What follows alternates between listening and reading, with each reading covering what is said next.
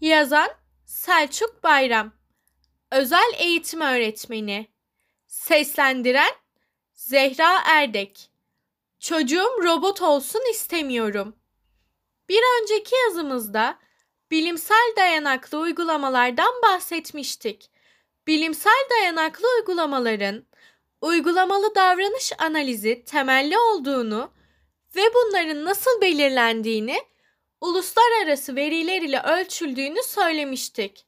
Şimdi davranışçı yaklaşıma yapılan haksız bir söylemi yine bilimin ışığında tartışacağız. Hocam çocuğum robot olsun istemiyorum. Pekiştireç kullanmak ne kadar doğru hocam? Nedir bu uygulamalı davranış analizi? İngilizce kaynaklarda ABA olarak da geçen uygulamalı davranış analizi sistematik bir şekilde uygulanarak sosyal açıdan önem arz eden olumsuz davranışları değiştirmeyi amaçlayan bir bilim dalıdır. Davranışçı yaklaşımı benimseyen bilim insanlarının üzerinde durduğu en önemli nokta her zaman davranışın sosyal çevre içerisinde değil, doğal çevre dahilinde incelenmesi gerektiği yönünde olmuştur. Dolayısıyla davranış analizleri davranışın çevreyle ilgili gözlemlenebilir ilişkisi üzerine odaklanmış bulunmaktadır. Uygulamalı davranış analizinin altı ilkesi pekiştirme, ceza, söndürme, uyaran kontrolü, model olma, şekil verme. Los Angeles'ta yer alan Kaliforniya Üniversitesi psikologlarından Dr. Ivor Lovas'ın çalışmasını temel alan ve Lovas terapisi olarak adlandırılan tedavi türü uygulamalı davranışçı analiz disiplinin bilim adamları tarafından yapılmış 50 yıllık araştırmaları üzerine kurulmuştur. Dr. Lovas'ın 1980'li yıllarda elde ettiği ve bu tedaviyi otizmli çocuklara uygulayarak aldığı başarılı sonuçlar davranışçı tedaviye popülerlik kazandırdı. Dolayısıyla davranışçı terapi otizmle ilgilenenler arasında Lovas terapisi olarak tanınmıştır. Lovas terapisi birçok karmaşık ögeden oluşan bir tedavi yöntemidir. Pekiştirme kullanımı, uyarıcılar, uyarıcı besleme, veri alma ve ustalaşma kavramı bu ögelerden bazılarıdır. Pekiştirme kavramı davranışçı tedavinin temel taşlarından biridir. Çocukla çalışılmaya başlamadan önce pekiştireç seçimi yapılmalıdır. Çünkü pekiştireç uygulamalı davranış analizinin olmazsa olmazlarından birisidir. Böylelikle çocuk kendisinden ne istenildiğini, hangi davranışı gerçekleştirirse doğru bir şey yaptığının farkına varabilir. Burada en temel mesele pekiştireç tarifeleri uygulayarak pekiştirecin geri çekilmesidir. Burada da işin içine bu yöntemin doğru teknikler kullanılarak uygulanması giriyor. Bu uygulamalarda mesele marketten bir çubuk kreker alıp her ders her çocuğun doğru tepkilerini pekiştirmek değildir. Çocuk pekiştirecini kendi seçer. Çocuk cipsi seçtiyse sırf sağlıklı bir besin alsın diye meyve kullanamazsınız. Daha sonra çocuğun performansına bakılarak eğitsel amaçlar belirlenir. Son olarak da davranışın hangi oranda pekiştirileceğine ve pekiştirecin geri çekilmesi sürecinde hangi tip tarife uygulanacağına karar verilir. Örnek vermek gerekirse bir çocuk 5.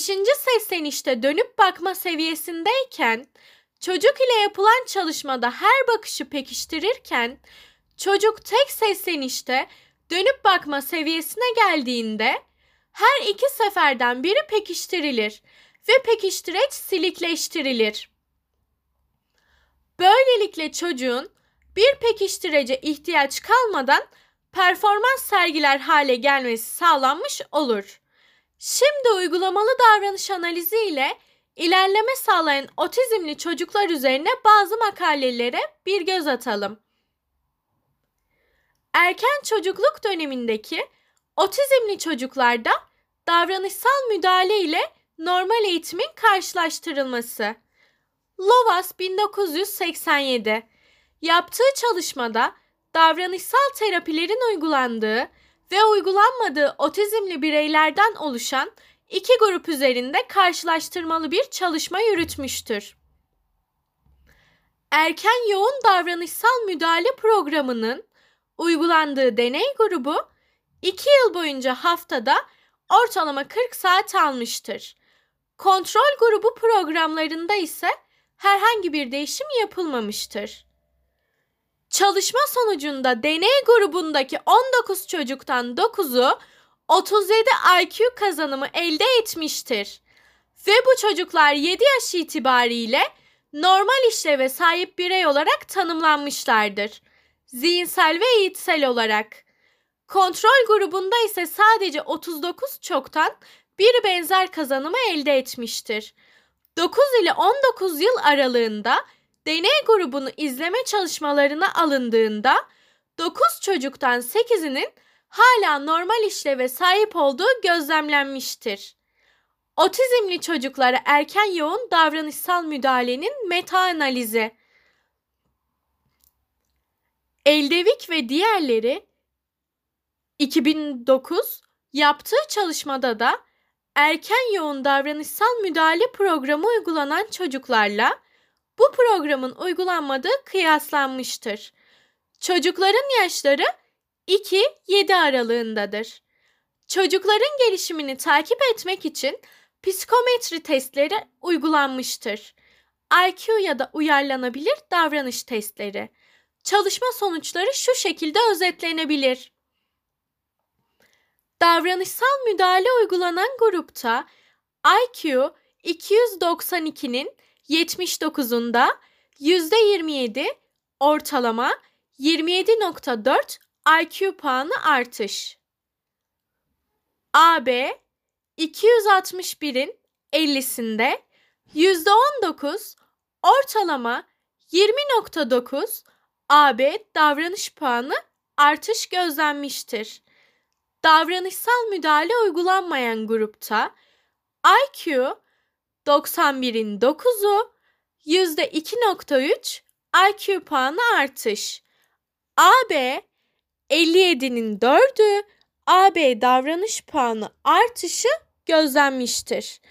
Bu bilgiler ışığında bilimsel dayanaklı uygulamaların uygulamalı davranış analizi temelli olduğunu, doğru bir uygulayıcı ve yoğun bir eğitim ile otizm spektrum bozukluğu gösteren çocukların normal işleve sahip akranlarına ulaşma durumlarının olabileceğini söyleyebiliriz.